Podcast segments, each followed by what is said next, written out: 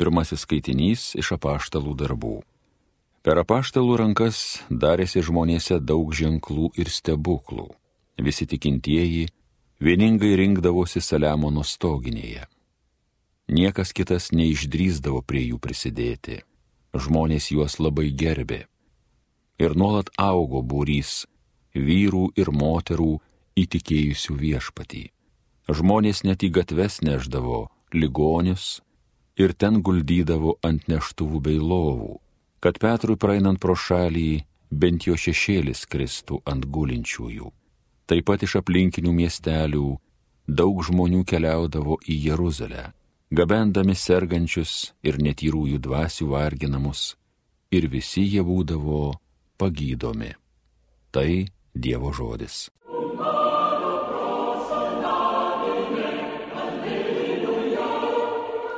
Dėkokite viešpačiui, nes jisai geras, jis maloningas per amžius. Tegu Izraelis kartoja, jis maloningas per amžius. Tegu Arono ainiai kartoja, jis maloningas per amžius.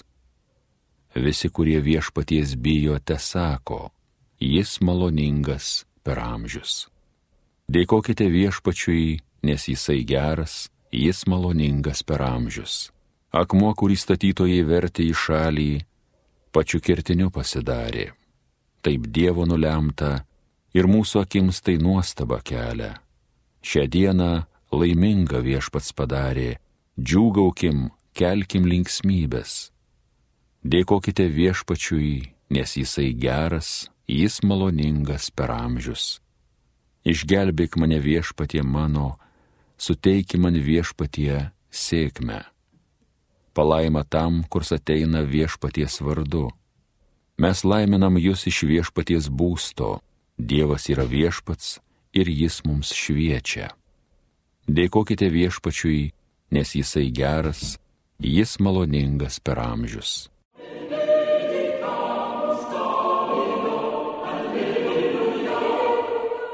Antrasis skaitinys iš apreiškimo šventajam apaštalui Jonui. Aš Jonas, jūsų brolis ir sielvarto karalystės ir kantrybės bendrininkas Jėzuje, buvau saloje vardu Patmas dėl Dievo žodžio ir Jėzaus liudyjimo. Aš turėjau dvasios pagavą viešpaties dieną ir išgirdau savo už nugaros galingą balsą, tarsi trimitą bylojantį. Ką matai, surašyk į knygą ir pasiūsk septynioms bažnyčioms - į Efezą, į Smirną, į Pergamą, į Tietyrus, į Sardus, į Filadelfus ir Laodikėją. Tuomet aš atsigrėžiau pažiūrėti balso kalbėjosi su manimi ir atsigręžęs išvydau septynis aukso žibintuvus, o žibintuvų viduryje panašų į žmogaus sūnų, apsivilkusi ilgą tuniką ir persijusus į perkrūtinę aukso juostą. Jį išvykęs, aš puoliau jam po kojų tarsi negyvas, bet jis palėtė mane savo dešinę ir prabilo. Nebijok, aš esu pirmasis ir paskutinysis ir gyvasis. Aš buvau numiręs, bet štai esu gyvas per amžių amžius ir turiu mirties ir mirusiųjų pasaulio raktus. Tad užrašyk, ką esi regėjęs, kas yra ir kas turi vėliau įvykti. Tai Dievo žodis. Alleluja, alleluja, alleluja. Tu įtikėjai, Tomai, nes pamatėjai, sako viešpats, palaiminti, kurie tiki nematę.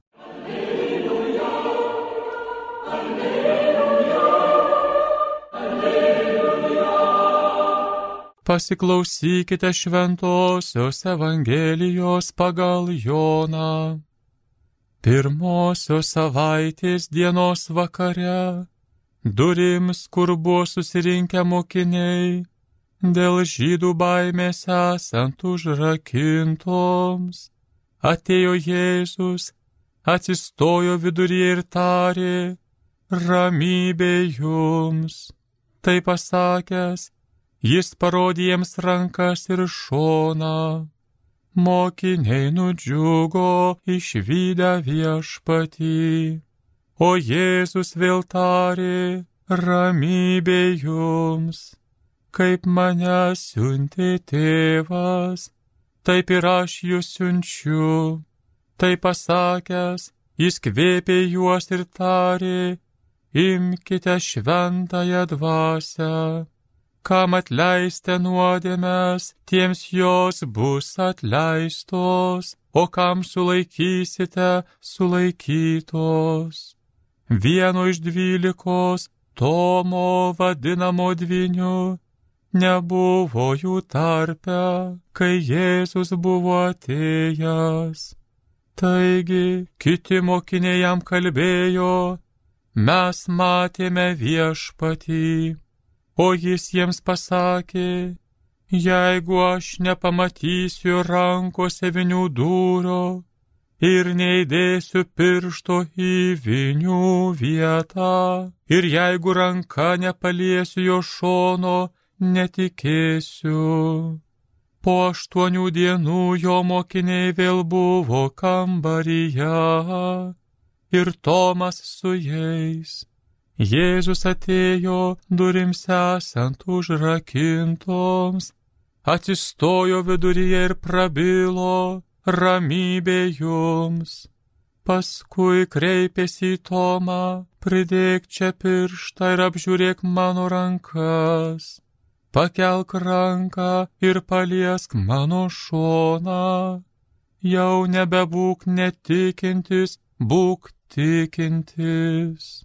Tomas sušuko, mano viešpats ir mano dievas.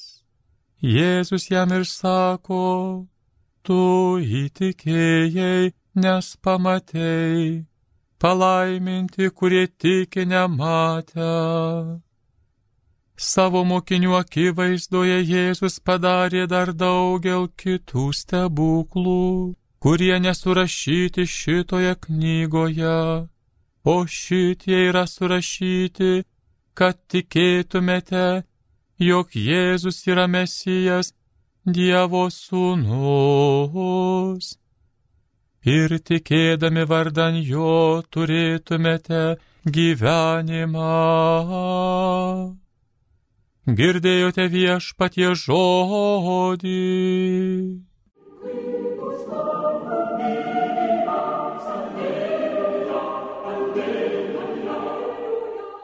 Mėly Marijos radio klausytojai, apaštas Tomas taip sunkiai patiki, kad Jėzus prisikėlė.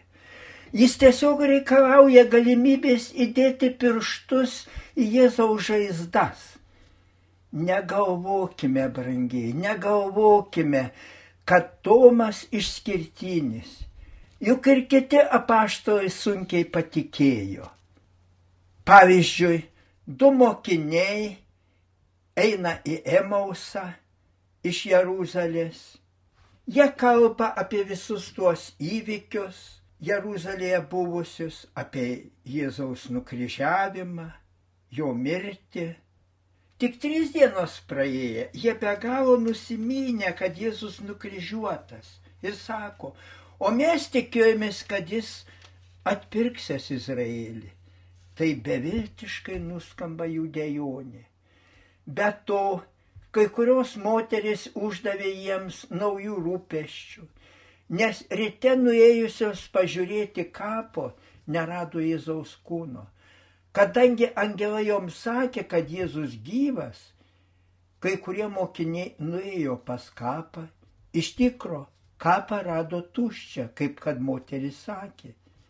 Bet niekas iš apaštalų nematė Jėzaus todėl jiems sunku patikėti. Ir visais laikais žmonėms taip sunku tikrai gyvai patikėti. Štai ir lietuviai, nors užsirašo, kad 80 procentų tikintis, bet kiek žmonių, kokia daugybė tiki reinkarnaciją. Ką reiškia reinkarnacija? Kad žmogus po mirties vėl gyvens žvėrimi ar gyvuliu, ir vėl numirs, ir vėl gyvens kitą gyvenimą, gal karaliumi.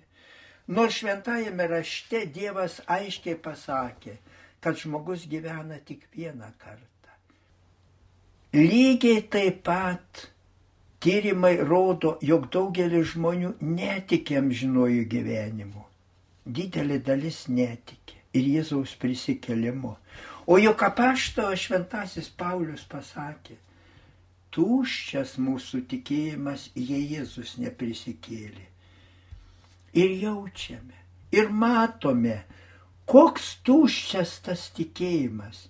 Nes taip daugelis tiki burtais, horoskopais. Todėl kai kas juokauja, kad Lietuvoje burtininkų gal dešimt kartų daugiau negu kunigų. Ir panevežio burtininkė kartą kalbėjo, kad ji daugiau užmoka valstybei mokesčių negu visos panevežio bažnyčios nes ji turi užregistravusi burtų verslą. Kitas dalykas - savo netikėjimą žmonės dangsto. Suranda dirbtinių priežasčių pateisinti savo netikėjimą. Juk kaip sakė Tomas, jei neįdėsiu piršto į Jėzaus žaizdas, netikėsiu. O jei Jėzus prisikėlęs būtų nebeturėjęs žaizdų, tai Tomas nebūtų galėjęs kur nors įdėti pirštą, negi būtų likęs netikintis. Štai tokių absurdiškų išvežiojimų savo netikėjimui pateisinti žmonės ir sukuria. Va vienas sako, man, kad ir melžiuos, kad ir nepraleidžiu sekmadienio, baisiai nesiseka. O mano kaimynas nekojos niekada nekėlė bažnyčią, bet jam geriausia sekasi. Visi sveiki, gerai uždirba. Aiškiai tikėjimas nieko neduoda. Varkšeliai, kurie šitaip sako. Užmiršta, kad Dievas žemės gerybių neskirsto, pavedi mums žmonėms tai daryti. Dievas tik stiprina mūsų dvasę, prikelia mus iš nuodėmių. Baisu, kad kartais net šventų raštu kai kurie žmonės netiki. Štai vaikutis klausia mamos, kaip Dievas galėjo penkiais kepaliukais duonos pasotinti tūkstančių žmonių. Mama išsilavinusi mokslininkė ir jis sako, šventajame rašte simboliškai pasakyta, Jėzus taip ugningai kalbėjo, uždegė visų dvasę, kad žmonės užmiršo, jog jie nori valgyti. Ne vienas net nebenorėjo valgyti. Bet štai ką daro vaikutis. Po kiek laiko jis sako, o kodėl parašyta, kad likučių pririnko 12 pilnų pintinių. Taip, taip, žmogus prigalvoja visokių išsisukinėjimų. Ir net ir vaiko yra pagaunamas. Tad šiandien ir turime pagalvoti, o mūsų tikėjimas ar be išlygų, Ar problemą ištikus neieškom kokių burtų? Ar neužkertam tokiu būdu kelio gailestingumui? Nebūkim, nebūkim brangiai tais tamošiais. Bet yra ir nuostabaus tikėjimo. Štai kartą lankant ligonį, kuris serga jau dešimt metų, pamačiau kėdę už lovos. Kėdė kur tarpelis tarp lovos ir sienos paliktas, jau žmogus joks negali nei įeiti, žmonės ten nevaikšto.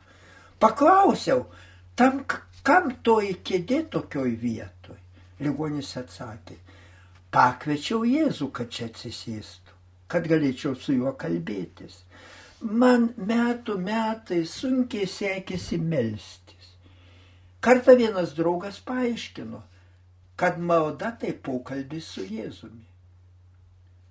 Kai man niekaip vis tiek nesisekė melstis, draugas patarė pastatyti kėdę ir įsivaizduoti, kad Jėzus čia sėdi.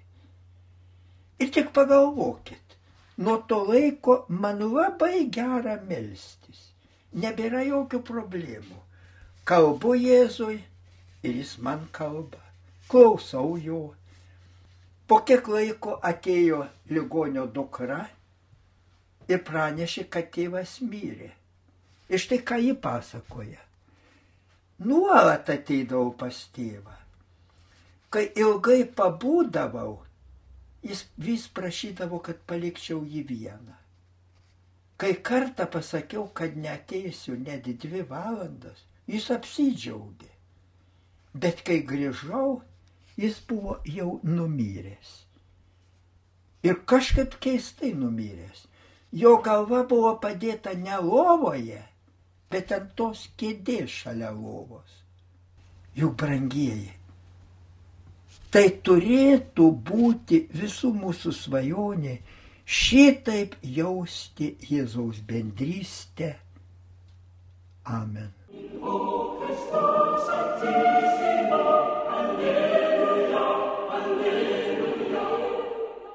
Evangeliją gėdojo kunigas daktaras Vilius Sikorskas. Homilyje sakė panevežio vyskupas emeritas Jonas Kauneckas.